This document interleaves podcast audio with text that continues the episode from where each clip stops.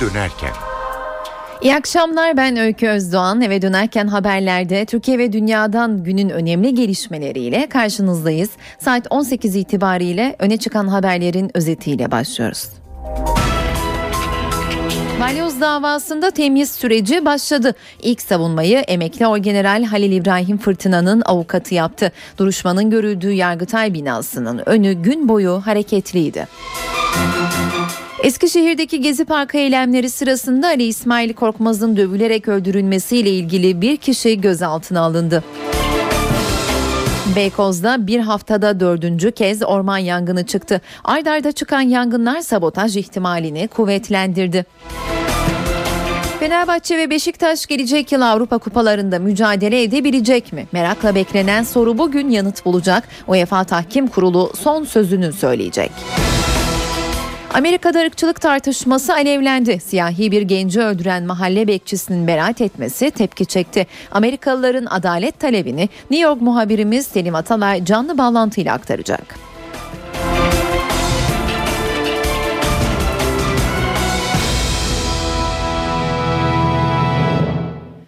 361 sanıklı balyoz davasının temiz süreci Yargıtay'da başladı. Yüzden fazla sanık avukatı müşterek hazırlanan 440 sayfalık itiraz dilekçesinde tüm mahkumiyet kararlarının bozulmasını talep etti. 9. Ceza Dairesi ilk gün duruşma sürecinin usulüne ilişkin bir dizi karar aldı. Buna göre mahkeme heyeti Cuma günü hariç hafta içi her gün sanık avukatlarını dinleyecek. Avukatlar süre kaygısı taşımadan savunma yapabilecek. Ayrıntıları NTV muhabiri Gökhan Gerçek'ten dinliyoruz teşebbüs unsurları oluştu mu oluşmadı mı? Yerel mahkemedeki eksenden çok daha farklı bir yönde bugünkü savunma gerçekleştiriliyor. Profesörler tarafından hazırlandığı 60 tane hukukçunun imzası bulunan 440 sayfalık bir savunma. Kuramsal saptamalar var, evrensel hukuk çerçevesinde yapılan saptamalar var. Suç vasfı tanımlanıyor ardından Yargıtay'ın iştihatları yani bugünkü temiz duruşmasını yapan 9. Ceza Dairesi'nde altında zaman zaman imzasının olduğu Yargıtay'ın iştihatları da örnek gösteriliyor. Daha çok yerel mahkeme İstanbul 10. Ağır Ceza Mahkemesi'nde tartışmalarla devam eden ve noktalanan bir yerel mahkeme süreci vardı. İşte oradaki tartışmaların buradaki yansımaları evrensel hukuk kuralları çerçevesinde bir de Yargıtay hakimlerine, yüksek yargıçlara anlatılıyor. Usul ve esasa ilişkin eksiklikler, hata iddiaları bugünkü gündemde. Davada karara esas olan madde darbeye eksik teşebbüstü. Teşebbüsün olabilmesi için neler gerekiyor? Cebir ve şiddet yoksa balyoz darbe planı sadece masa başında yazılmış ve orada kalmışsa hayata geçirilmemişse suç oluşur mu? Bunun üzerine kuruyorlar savunmalarını. Balyoz darbe planıyla ilgili iddialar kabul edilse bile hazırlık aşamasında kalmış hayata geçirilmemiştir. İcrai faaliyet olmadan suç oluşamaz. İcrai faaliyetin şartı da cebir ve şiddettir. Hazırlık hareketi ve plan cezalandırılamaz dedi avukatlar. Ayım kararlarını ve Yargıtay'ın kendi iştahatlarını gerekçe gösterdiler. Planın yapılması kişiler arasında hatta işbirliği yapılması icrai faaliyet anlamına gelmez. Olmayan suçtan ceza verilemez dedi sanık avukatları. Şüphelilerin lehine olan deliller toplanmamıştır. Savcılarca bizzat gizlenmiştir. Zaman çelişkilerini ortaya koyan bu davaya dayanak teşkil eden CD'ler vardı. Bilirkişi incelemeleriyle ilgili çok sayıda itiraz vardı ama bu itirazların tümü savcılık ve mahkeme makamı tarafından 10. E, Ağır Ceza Mahkemesi tarafından reddedilmişti. İşte bunun da bozma gerekçesi olduğunu savunuyor avukatlar. Bilirkişi raporlarına avukatlar ulaşamamıştır. Savunma hakkı engellenmiştir. Ulaşamadığımız raporlar üzerinden nasıl savunma yapabiliriz şeklinde saptamaları vardı. Mahkeme heyetinin taraflı olduğunu iddia ettiler. Yine İsa Sirrey, mahkeme İsa Sirrey'de bulunmuştur. Defalarca bunu belirttik. İsa Sirrey'de bulunan bu heyetle ilgili e, reddi hakim talebinde bulunduk. Ama bu taleplerimiz de reddedildi. Bu da savunma hakkının ihlaldir değerlendirmesinde bulundular. Evet buradaki savunmanın ana ekseni aslında savunma hakkının kısıtlanması ve eksik soruşturma. Evet soruşturmada deliller tam toplanmadı. Toplanan o delillere biz ulaşamadık. Mahkeme heyeti taleplerimizi yerine getirmedi. En önemli e, eksik soruşturmaya ilişkin e, değerlendirme de şuydu. E, iddianamede e, da, darbeyi, balyoz darbe planı plan aşamasında kaldı. Darbeyi önleyen de dönemin Kara Kuvvetleri Komutanı Aytaç Yalman ve dönemin Genelkurmay Başkanı Hilmi Özkök deniliyordu iddianamede. Bu kadar önemli iki isim tüm taleplere rağmen dinlenmedi. Dinlenmeyen bu tanıklar sebebiyle, bu önemli tanıklar sebebiyle de eksik soruşturma vardır. Balyoz davasındaki tüm sanıklar hakkında verilen ceza bozulmalıdır dedi sanık avukatları. Evet içeride olağanüstü bir savunma var ama dışarısının da oldukça hareketli olduğunu söyleyebiliriz. Ben 20 yıldır buralarda Yargıtay'da ve yerel mahkemede görev yapıyorum. İlk kez böyle bir uygulama var. 4 ayrı güvenlik noktasından e, aranarak kartla ancak içeri girebiliyorsunuz. Burası Vekaletler Caddesi kapatıldı. İki toma bekliyor. Canlı yayın araçları burada. Dışarının da içeri kadar hareketli olduğunu söyleyebiliriz. Genelkurmay Başkanlığı önünde bir ilk gerçekleşti bugün. Balyoz davasında tutuklu askerlere destek amacıyla bir grup karargah önünde son dönemin en çarpıcı eylemini gerçekleştirdi. Gezi Parkı olayları sırasında Taksim Meydanı'nda başlayan ve tüm yurda yayılan Duran Adam eylemini Genelkurmay önünde yaptılar. 12 protestocu Genelkurmay Başkanı ve kuvvet komutanlarının araçlarıyla giriş çıkış yaptıkları ana nizamiye kapısına ellerinde Türk bayraklarıyla geldi. Tutsak kahramanlara selam olsun sloganları atan grup karargah önünde 10 dakika süreyle duran adam eylemi yaptılar. Protestocular daha sonra hiçbir müdahale olmadan eylemi tamamlayıp dağıldılar. Yüksek Askeri Şura toplantısı bu yıl yine balyoz, ergenekon ve askeri casusluk davalarının gölgesinde geçecek. Çok sayıda muvazzaf asker sanık durumunda olduğu için kritik görevlere hangi atamaların yapılacağı halen net değil. NTV muhabiri Özden Erkuş'un haberini dinliyoruz. Kara Kuvvetleri Komutanı Orgeneral Hayri Kıvrıkoğlu 2 yıllık görev süresini doldurduğu için emekliye ayrılıyor. Yerine Jandarma Genel Komutanı Orgeneral Bekir Kalyoncu'nun getirilmesi bekleniyor. Kalyoncu 2 yıl kuvvet komutanlığı yaptıktan sonra Necdet Özel'in yerine 2 yıllığına Genelkurmay Başkanı olacak. Halen tutuklu bulunan Orgeneral Nusret Taşdeler de artık 4 yıllık orgenerallik süresini doldurduğu için Kara Kuvvetleri'nde emekliye ayrılacak isimler arasında. Karada iki orgenerallik boşalacağı için bu yıl terfi bekleyen 6 korgeneralden ikisi orgeneral olacak. Hava Kuvvetleri Komutanı Orgeneral Mehmet Erten de 2 yıllık görev süresini doldurduğu için emekliliği beklenen isimler arasında. Ancak Erten henüz 4 yıllık orgenerallik süresini doldurmuş değil. Bu nedenle görev süresi bir yıl daha uzatılabilir. Hava Kuvvetleri'nin diğer orgeneral kadrosuysa tutuklu durumunda bulunan Orgeneral Bilgin Balanlı'da.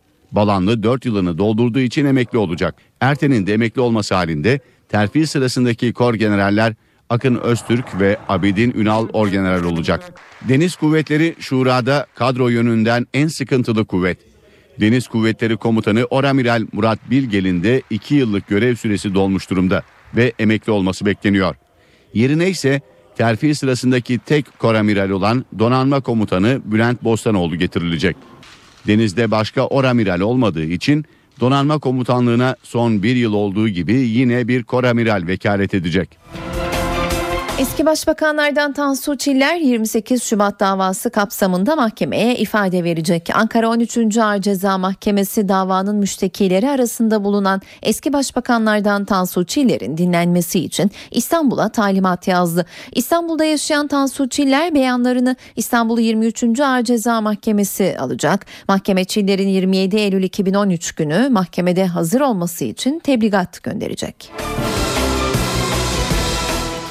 Yüksek İdari Yargıda başkan seçilemiyor. Danıştay Başkanı Hüseyin Karakullukçu'nun yaş haddinden emekliye ayrılmasından sonra Danıştay Başkanlığı için genel kurul iki kez toplanmış ancak kimse başkanlığa aday olmadığı için seçim yapılamamıştı. Sonunda Danıştay Başvekilliği görevini yürüten Zerrin Güngör adaylık başvurusu yaptı ve genel kurul bugün onu başkan seçmek için toplandı. Ancak Zerrin Güngör'ün tek aday olarak girdiği seçim bu kez de salt çoğunluk sağlanamadığı için yapılamadı. Danıştay Başkanı genel kurulda üye tam sayısının salt çoğunluğuyla seçiliyor.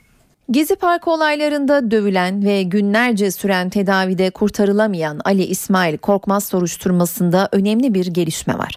Polis olaydan 42 gün sonra bir saldırganı güvenlik kamerası kayıtlarını inceleyerek tespit etti. Ancak aile Ali İsmail Korkmaz'ı dövenlerin polis olduğunu iddia ediyor. Güvenlik kamerası kayıtları incelendi. 19 yaşındaki Ali İsmail Korkmaz'ın ölümüne neden olanlar tespit edilmeye başlandı.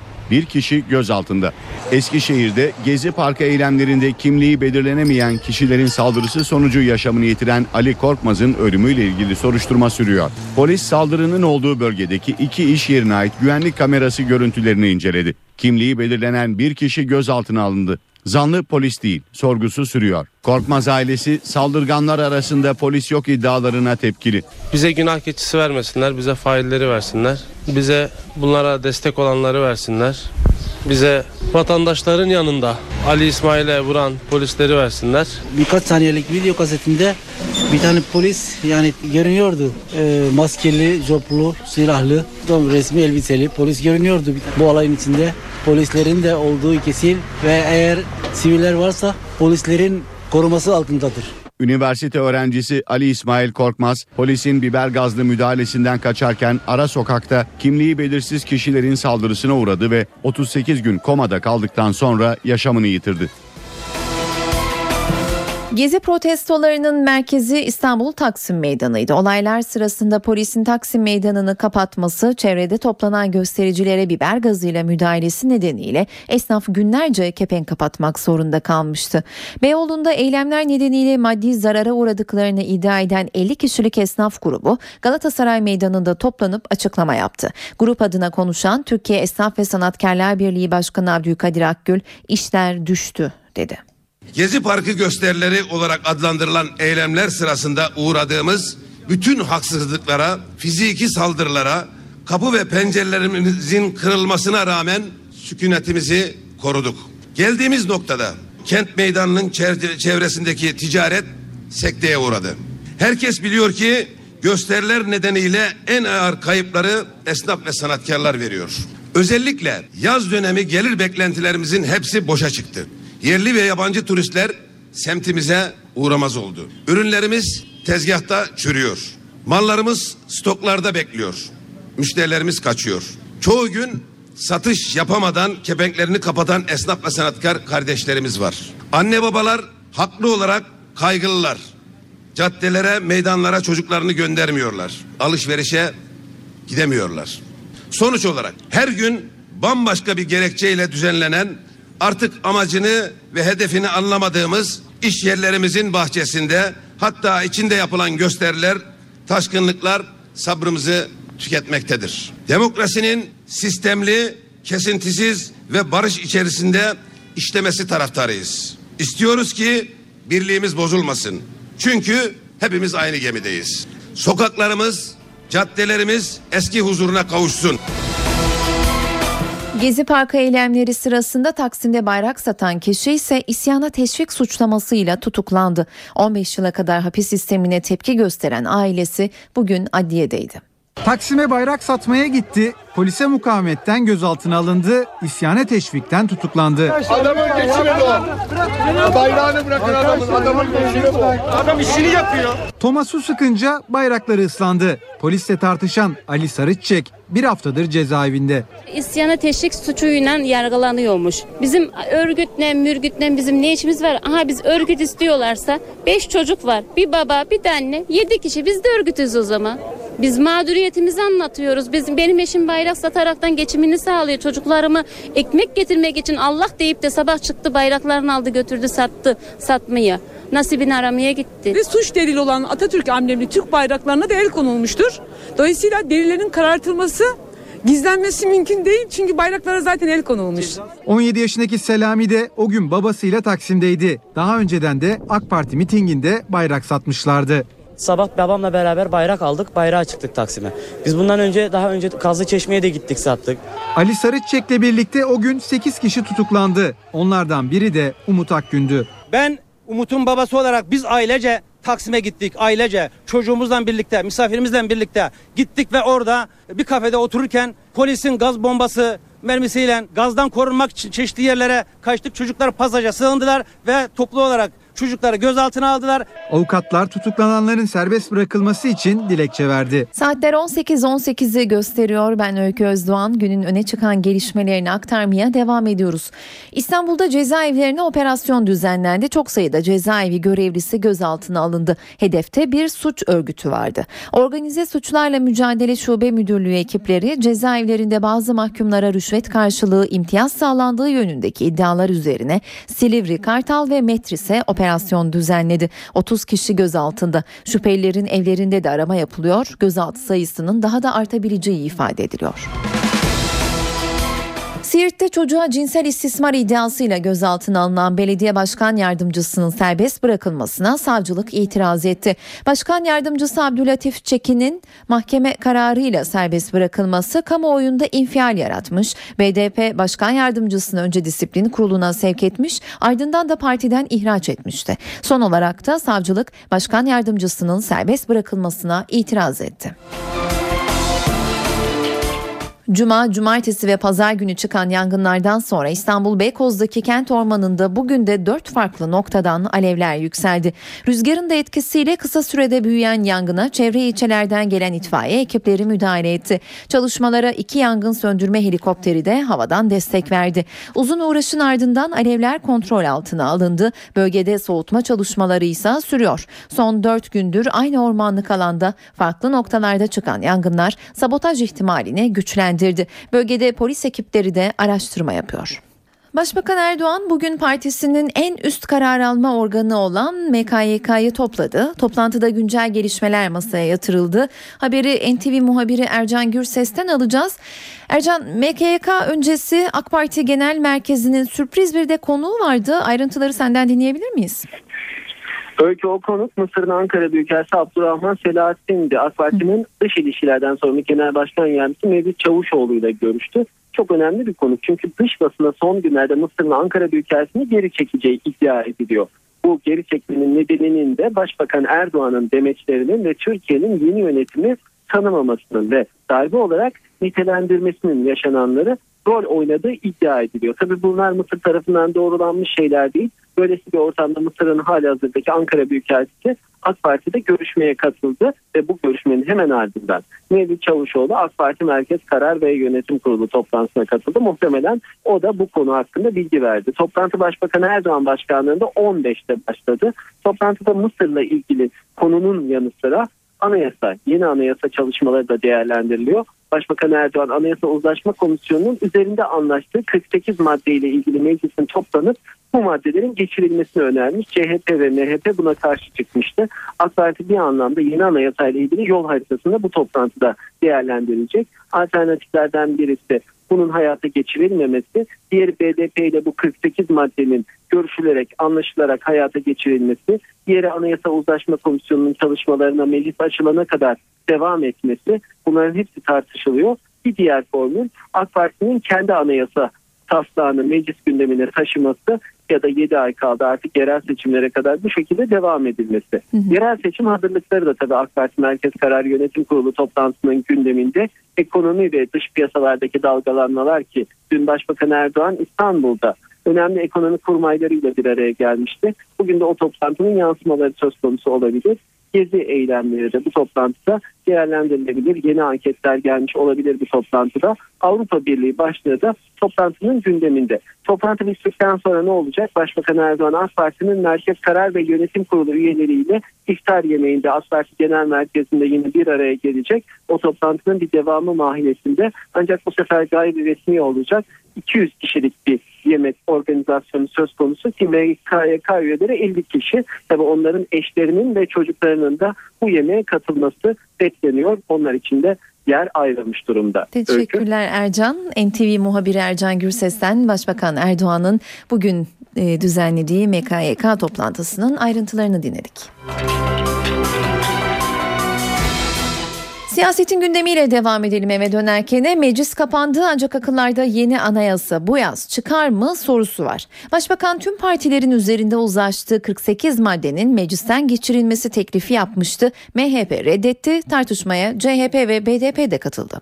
Bir tuzak bozulmuştur. Bu ne telaş? Milliyetçi Hareket Partisi'nin bu tavrı sizi niye ürküttü? PKK ile anayasa yapmak için mazeret mi arıyorsunuz? AK Parti'nin anayasada uzlaşma sağlanan 48 maddeyi tek paket halinde meclisten geçirme teklifi AK Parti ile MHP arasında gerginlik yarattı. MHP Grup Başkan Vekili Oktay Vural, öneriyi reddeden Devlet Bahçeli'yi sert sözlerle eleştiren AK Parti sözcüsü Hüseyin Çelik'e hedef aldı. Bu milletin anayasasını PKK terör örgütünün himayesine, onun koruma ve kollamasına terk etmeyeceğiz. Hüseyin Çelik, PKK ile girdikleri bu ihanet yolculuğunun her geçen gün deşifre olmasını örtmek, PKK yamaklığının verdiği ezikliği bastırmak adına ses çıkartmakta, gürültü yapmaktadır. Herkesi hep beraber birlikte bu sözleri kullanan bu zihniyeti kınamaya davet ediyorum. CHP'den de Hüseyin Çelik'in sözlerine eleştiri geldi. Uygun bulmuyorum. Bu e, tür söylemleri yararsız buluyorum, gereksiz buluyorum, anlamsız buluyorum e, ve kınıyorum. Daha ölçülü, daha saygılı e, davranmak lazım. 48 madde tabii yeni bir anayasa değildir. Zenginleştirilerek e, gündeme e, getirilebilmesi halinde e, biz Türkiye'yi rahatlatacak, e, biraz e, insanlara nefes aldıracak e, bir ortamın sağlanmasından yana oluruz. BDP diğer muhalefet partileri gibi 48 maddenin yeterli olmayacağı görüşünde. Bu 48 maddenin bir paket halinde genel kurula gelip yasalaşması yeni bir anayasa çalışmalarından vazgeçilmesi anlamına gelmemelidir. Tarım Bakanı Mehdi Eker çözüm sürecinde siyasi aktörlerin üzerlerine düşeni yaptığını söyledi. Süreçte aksama olduğu yönündeki iddiaları yalanlayan Eker, demokratikleşme adımlarının da vakti gelince atılacağını ifade etti.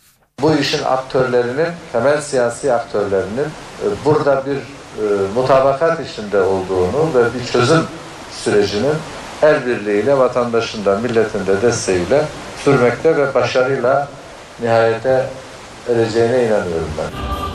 Tarım, Gıda ve Hayvancılık Bakanı Mehdi Eker teröre çözüm sürecinde aksama olduğu iddialarını Diyarbakır'da yalanladı. Eker zamanı geldiğinde hükümetin atılan adımlarla ilgili açıklamayı yapacağını söyledi. Bir yandan tabii Türkiye demokratikleşme çabası içerisinde. Bugün program dahilinde aşama aşama geliyor. Hükümetin programında var. Bunlar aşama aşama gelecek. Ve vakti saati geldiğinde de o olgunlaştığında da açıklanacak. Bakan Eker bir süre önce hayatını kaybeden Diyarbakır Bağımsız Milletvekili Şerafettin Elçi'nin adının Şırnak Havaalanı'na verilmesini de değerlendirdi. Sayın Başbakan'ın takdiri biz de kendisine destek verdik. Ben jest olsun diye yapıldığı kanaatinde değilim.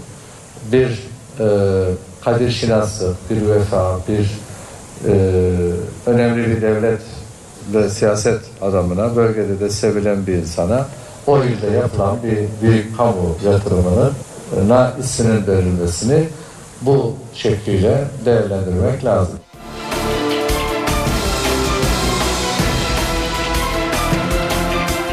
Diyarbakır Lice'de çatışmalarda ölen PKK'lılar için hazırlanan mezarlıkla ilgili savcılık inceleme başlattı. Basında yer alan haberde çatışmalarda ölen 170 PKK'lı için Yolçatı köyü kırsalında özel bir mezarlık hazırlandığı belirtilmişti. Kalabalık bir grubun katıldığı törene yüzleri sarılı 15 kişilik grup basın açıklaması yapmıştı. İşte bu görüntüler üzerine Diyarbakır Cumhuriyet Başsavcılığı inceleme başlattı. Ekonomide iki önemli veri açıklandı bugün. İkisinde de tablo olumluydu. İşsizlik oranı 4 ay aradan sonra yeniden tek haneli rakama bütçe ise yılın ilk 6 ayından fazla verdi. Maliye Bakanı Mehmet Şimşek pozitif gelen verilerin ardından ekonominin toparlanma sürecinde olduğunu söyledi. İşsizlik oranı Aralık 2012'den sonra yeniden tek haneye düştü. Nisan'da %9,3 oldu. Kayıtlı işsizlerin sayısı ise 2 milyon 641 bin kişi. İşsiz sayısı bir ayda 160 bin kişi azaldı. Bir yılda ise 216 bin kişi arttı. Manşet işsizlik oranında bir düşüş görüyoruz. Biz vatandaşımıza iş ve aş imkanlarını çok güçlü bir şekilde artırmış durumdayız. 2007 sonundan itibaren baktığınız zaman 5 milyon civarında bir ilave istihdam artışı söz konusudur. Yılın ilk yarısındaki bütçe uygulama sonuçları da açıklandı. Bütçe 6 ayda 3,1 milyar lira fazla verdi. Gelirler %20'ye yakın artarken faiz giderleri %11'den fazla azaldı. Türkiye ekonomisi e, geçen seneye göre bir toparlanma sürecindedir. Türkiye ekonomisi üzerine felaket tellallığı yapmaktadırlar. Bunun yersiz olduğu, doğru olmadığı bu rakamlarla ortaya konulabilir. Maliye Bakanı Mehmet Şimşek vergi oranlarının değişmeyeceği mesajını verdi. Şu anda gündemimizde ne vergi artışı var ne vergi indirimleri var. Elektrik doğalgazla ilgili aynı husus geçerlidir. Şu an itibariyle gündemimizde buna ilişkin herhangi bir değerlendirme söz konusu değildir. Şimşek Gezi Parkı eylemlerinde zarar gören esnafa destek vereceklerini de söyledi. Demokratik hukuk devletinde zarar verenlerin zararı telafi etmesi esastır. O hukuk yolu da açıktır. Yani vandalizm hiç kimsenin yanına kalmamalı. Eve dönerken ekonomi notlarıyla devam edelim. Bugün para ve sermaye piyasalarında neler olduğuna bakacağız. CNBC'den Enis Şener'de mi dinliyoruz?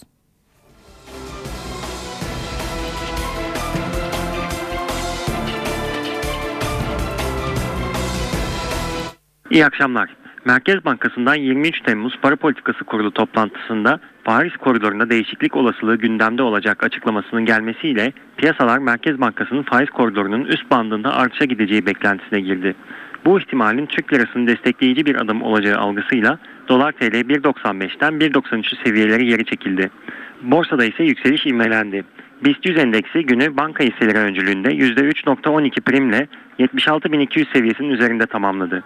Tahvil tarafında da Merkez Bankası'nın açıklamaları olumlu karşılandı ve gösterge faiz %9'un altına geriledi. Yine Merkez Bankası'nın yarattığı olumlu hava sonucunda hazinenin düzenlediği 5 ve 10 yıllık tahvil ihraçlarına talep beklentilerin üzerinde oldu. Yurt dışında ise piyasalar çarşamba ve perşembe günlerinde ABD Senatosu'nda sunum yapacak olan Fed Başkanı Bernanke'ye bekliyor. Bernanke'nin parasal genişlemelerin geleceğine dair vereceği ipuçlarının piyasaların yönünü tayin edeceği algısı hakim. Haftanın bu belirleyici gelişmesinin öncesinde ise borsalarda primli seyirler devam ediyor. Euro dolarda ise 1.30-50 civarında yatay seyir var. Havalar ısındı, mangal sezonu açıldı. Ardından Ramazan da gelince et ve tavuk tüketimi arttı. Ancak dar gelirlinin sıkça tükettiği tavuğa zam üst üste geldi. Beyaz ete bir haftada iki kez zam yapıldı. Artışlarla birlikte tavuk etinin kilosu 5 liradan 7 liraya yükseldi. Kanatın kilosu ise 11 lira oldu. Üreticilere göre tavuk etinde fiyat değişiminin nedeni ihracatın artması. Zamma rağmen tavuk eti hala alışveriş listesinin ilk sıralarında. Etten daha ucuz olduğu için tavuğu tercih ediyoruz. Herkes gibi ben de rahatsızım. Bizim normalde e, tavuk üretimlerimiz Avrupa'nın diğer ülkelerinden daha fazla. Ama biz tavuğu hala Avrupa'dan alıp aldığımızı söyleyip millete halka hala onun zamını zam yapıyoruz. Diyanet İşleri Başkanlığı Suudi Arabistan'ın Kabe çevresindeki genişletme çalışmalarını gerekçe göstererek vize vermediği 16 bin umre adayı için harekete geçti. Başkan Mehmet Görmez adaylara paralarının iade edileceğini açıkladı. Görmez 2014 ve 2015'te haç kurası çekilmeyeceğini de söyledi. Elbette herhangi bir hacı adayımız, herhangi bir umreye gidecek olan e, kardeşimiz bütün mağduriyetleri ortadan kalkacaktır. Onların e, bütün paraları, ücretleri aynen kendilerine iade edilecektir. 2014'te, 2015'te herhangi bir kura çekilmeyecek. Sadece bugüne kadar 7 sene müracaat edenler ile ve müracaat edenler ile bu sene son anda Suudi Arabistan'ın iptalleri dolayısıyla gidemeyecek 18 bin vatandaşımız e, kuraya tabi olmadan gönderilecekler. NTV Radyo İsrail'in 5 Temmuz'da Suriye'de askeri üsse düzenlediği hava saldırısını bir Türk üssünü kullanarak gerçekleştirdiği iddiasına Dışişleri Bakanı Ahmet Davutoğlu'ndan cevap var. Bakan Davutoğlu NTV canlı yayınında konuştu. Türkiye'nin İsrail'le herhangi bir askeri operasyonun parçası olması söz konusu değil dedi. Türkiye'nin Suriye konusunda ve herhangi bir konuda İsrail'le herhangi bir askeri operasyonun parçası ya da işbirlikçisi olması diye bir şey söz konusu değil. Dışişleri Bakanı Ahmet Davutoğlu, Rus basınında yer alan İsrail'in Suriye saldırısında Türkiye'de bir üs kullandığına ilişkin iddiaları yalanladı. Türkiye'yi itibarsızlaştırma, Türkiye'nin takip ettiği onurlu ve e, halklar nezdinde büyük itibar gören e, dış politikasını e, ve e, yaklaşımını e, sıfırla çarpmak tabiri caizse bu yolla oluyor. Tamamıyla yalan, en ufak gerçeklik payı bile olmayan bir haber. Bunu yapanlar Türkiye'nin gücünü ve itibarını sarsmak isteyenler. Bakan Ahmet Davutoğlu Mısır'daki askeri darbeyi değerlendirdi. Mısır Orta Doğu'daki her gelişmenin omurgasıdır. Mısır'da eğer yanlış bir şeye hep beraber cevaz verirsek bunun negatif domino etkisi olur. Şimdi bu darbe ve bu darbeye yakılacak yeşil ışık Mısır'daki e, Mısır'da tersine negatif domino etkisi yapar. Bir ülkede iç meşruiyetin sağlanmasının yegane kaynağı o ülkenin siyasi halkının siyasi iradesidir. Davutoğlu Mısır'daki yönetimi gayrimeşru olarak nitelendiren Avrupa Birliği'nin tutumunu da yorumladı. Avrupa Birliği bu anlamda ciddi bir sınavdan geçti ve geçmeye devam ediyor. Dünkü açıklama bunu telafi edici mahiyette bir açıklama. Amerika Birleşik Devletleri'ne geçelim. Amerika ırkçılık tartışmalarıyla kaynıyor. Siyahi bir genci öldüren mahalle bekçisi George Zimmerman mahkemede meşru müdafaa gerekçesiyle aklandığı ülke karıştı. Ayrıntılar için NTV New York muhabiri Selim Atalay telefon hattımızda. Selim hafızaları tazeleyelim. Olay nasıl gerçekleşmişti ve tepkiler neler? Karar için ne diyorlar? Tabii şimdi nasıl olmuştu? Amerika'da her gün 40-50 kişi vuruluyor. Aylık e, kurşunla ölüm yani kaza, cinayet, intihar hepsinin toplamı aylık ölüm sayısı bin. Yani e, Amerika'da silahla vurulmak e, gayet olağan bir şey. E, bu da benzer bir olaydı. Geçen Şubat ayında e, bir e, işte özel mülk e, kapısı ve duvarı olan bir mahalle dışarıdan izole mahalle fakat giriş çıkış var. Ve e, bu giriş mahallenin e, gönüllü bekçilerinden gönüllü orada oturup gönüllü bekçilik oluyor. E, sivil yani üniforması yok ama e, komşular birbirini öyle izleyebiliyorlar. Bu George Zimmerman işte e, 20 29 yaşında e, Hispanik e, Latin beyaz karışımı e, Amerikalı ve de e, sokakta mahallede 17 yaşındaki siyah Traven'ı görüyor. E, gencin e, ceketi var.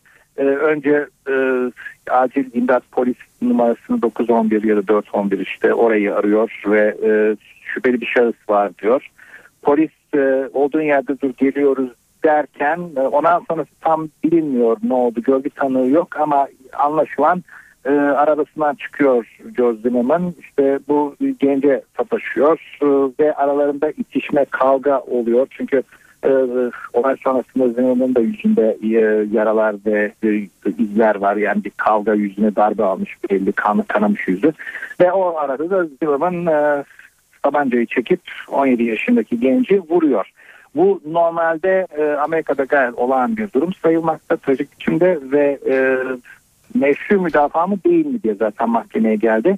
%90 bu olaylarda meşru müdafaa sayılıyor. Özellikle Florida olayın geçtiği Florida'da bu var. Yani e, eğer e, bedenen ya da e, evine ya da arabasına bir tehdit görürse bir şahıs elindeki silahı çıkartıp ateşleyebiliyor ve karşısındakini öldürebiliyor. Ve bu meşru savunma sayılıyor. E, ve aynı kural gereğince e, bu e, sanık Zimmerman e, beraat etti. Ondan sonra da tabii ortalık karıştı. Şimdi e, yasa böyle ama Hı. tabii adalet duygusu vesaire diyerek e, siyahlar yollara döküldü. Dün itibariyle Los Angeles'ta büyük gösteriler vardı. Bir e, karayolunu kapattılar. E, Oakland yine Kaliforniya'da e, ki hemen bir şey olduğu zaman Oakland karışır. Öyle bir huyu var Oakland'ın. E, Oakland'da Amerikan bayrağı yakıldı. E, Los Angeles'ta polis göstericilere karşı plastik mermi kullandı. İşte e, New York'ta da büyük gösteri vardı. Kendinden oluştu. En büyük meydan Times meydanına toplandı. Binlerce kişi trafiği durdurdular. Polisin pek e, aslında polis hoşgörü göstermez ama polisin bu kez şey yapmamak için olayı büyütmemek için müdahale etmediği anlaşıldı. Sonra epey bir işgal sürdükten sonra meydan işgali oradan Harlem'e kuzeye doğru yürümeye çalıştılar. Fakat ondan sonra polisle içme kakışma ve gözaltılar başladı. Çünkü e, belediye başkanının evine gidiyorlar diye bir izlenim aldı polis. Hı hı. Ve e, birkaç e, tam kaç kişinin gözaltına alındığı yok ama e, e, polis e, müdahale ettiği zaman dağıtıyor zaten. Ve şimdilik yeni bir gündeyiz. İşte öğlen saatleri fakat akşama doğru yine Amerika'nın muhtelif yerlerinden e, çok büyük olasılıkla yeni gösteri haberleri gelecektir. Ondan sonra e, aktivistler işte medyada da çok etkililer. Herkes bunu tartışıyor. İşte karar adil değil. Amerika'nın e, ırk ilişkileri, demokrat cumhuriyetçi çekişmesi yani Amerika'nın bütün evet. her e, sıkıntısı bu olayla birlikte su üstüne çıkmış durumda ve daha bu epey uzun haftalar boyunca galiba bu olayı tartışmaya devam edeceğiz ve bu olayı izleyeceğiz. Peki Selim teşekkürler. NTV New York muhabiri Selim Atalay siyahi bir genci öldüren mahalle bekçisi Zimmerman'ın aklanması sonrası Amerika'da yaşananları aktardı. Mısır'da da sokaklar gergin, iftar sonrası yine geniş katılımlı gösteriler bekleniyor. Muhammed Mursi destekçileri ülke genelinde eylem çağrısı yaptı. Mursi karşıtları ise Tahrir Meydanı ve Cumhurbaşkanlığı Sarayı önünde toplanacak. Kahire sokaklarındaki nabzı NTV muhabiri Nuran Milli'ye aktarıyor. Eski Cumhurbaşkanı Muhammed Mursi destekçilerinin ülke genelindeki gösterileri sürüyor. Mursi taraftarlarının bugün diğer kentlerden de kendilerine destek için gelenlerle birlikte Kahire'de başta 6 Ekim Köprüsü, Ramses, Rabia Adeviye ve Nahta Meydanı olmak üzere birçok meydan ve ana caddeyi kapatmayı planlıyor. Mursi yanlılarının muhaliflerin eylemlerine sahne olan Tahrir Meydanı'na yürüyecekleri de söyleniyor. Normalde e, trafikte sorun yaşanan Kahire'de insanların bir an önce evlerine ulaşmak için yollara dökülmesi nedeniyle ulaşımda zorluklar yaşanıyor Kahire'de. Bunun yanında Mursi karşıtlarının Tahrir Meydanı'ndaki oturma eylemi de devam ederken temerrüt hareketinin daveti üzerine Mursi karşıtları bugün ve Cuma günü Tahrir Meydanı ve Cumhurbaşkanlığı Sarayı önünde iftar ve sahurda bir araya gelecek. Temerrüt hareketi Mısır halkının mutabık kaldığı bir anayasa olması için anayasanı yaz adı altında yeni bir kampanya başlatacak. Bu arada Mısır Merkez Bankası Müslüman Kardeşler Örgütü ve siyasi kanadı Hürriyet ve Adalet Partisi'nin önde gelen yöneticilerinin hesaplarının dondurulması talimatı verdi. Söz konusu kişilere ait gayrimenkul ve hisse senetlerine de tasarruf yasağı getirildiği bildirildi. Mısır Başsavcılığı da eski Cumhurbaşkanı Mursi ve Müslüman Kardeşler Örgütü'nün yöneticilerine yönelik suç duyurularını incelemeye başladığını açıklamıştı. Öte yandan Amerika Birleşik Devletleri Dışişleri Bakan Yardımcısı Burns Kahire'de temaslarını sürdürüyor. Yeni hükümeti kurmakla görevlendirilen Hazım Beylavi ile görüşen Amer e, Burns Amerika'nın Kahire Büyükelçisi Ann Peterson'un bulunduğu görüşmede bazı iç ve dış konuların ele alındığı bildirildi.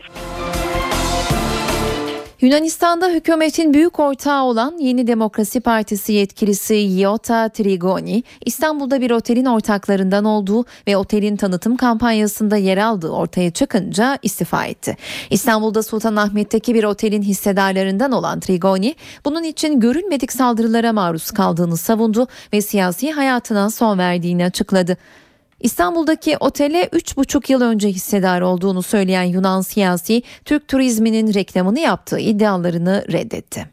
Fenerbahçe ve Beşiktaş'ta gözler UEFA kararına çevrildi. Tahkim kurulu her iki kulüple ilgili kararını bugün açıklayacak. Avrupa kupalarından men cezası alan Fenerbahçe ve Beşiktaş geçen hafta tahkim kuruluna savunma yapmıştı. UEFA'nın bugün Fenerbahçe ve Beşiktaş'a Avrupa kupalarına katılıp katılmayacağını faks yoluyla iletmesi bekleniyor. Tahkimden olumsuz bir karar çıkması halinde Fenerbahçe ve Beşiktaş konuyu uluslararası tahkim mahkemesi kasa taşıyacak.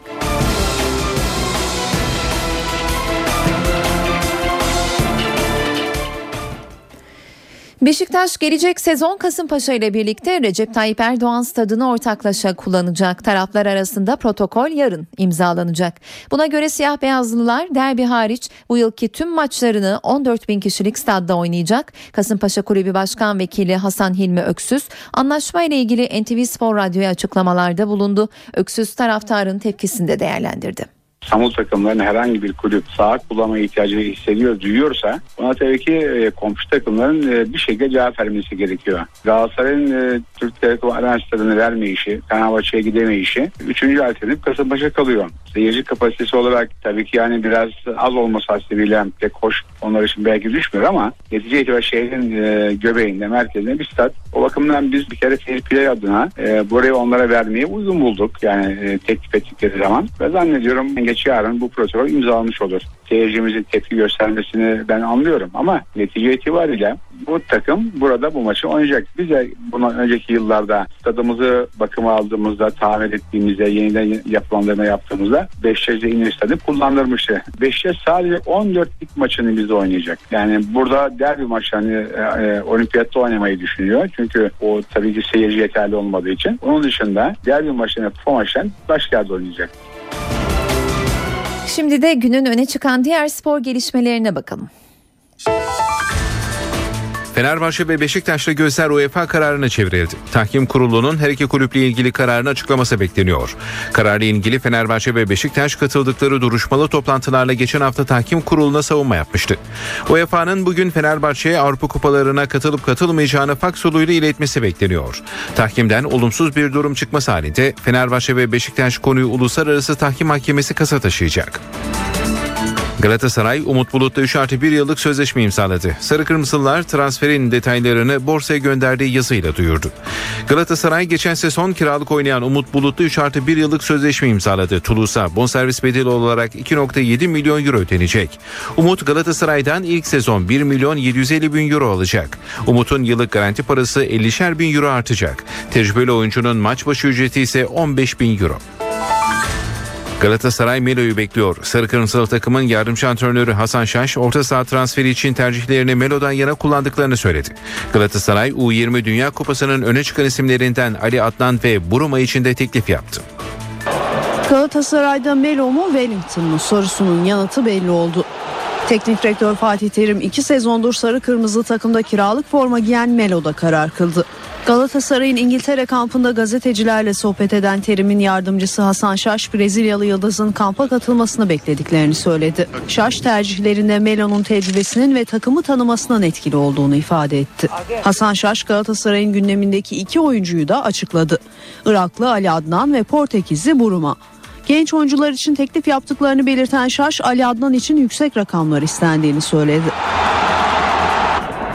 Öte yandan Galatasaray Umut Bulut'un bonservisini aldı. Sarı Kırmızılar Toulouse'a 2 milyon 700 bin euro ödeyecek.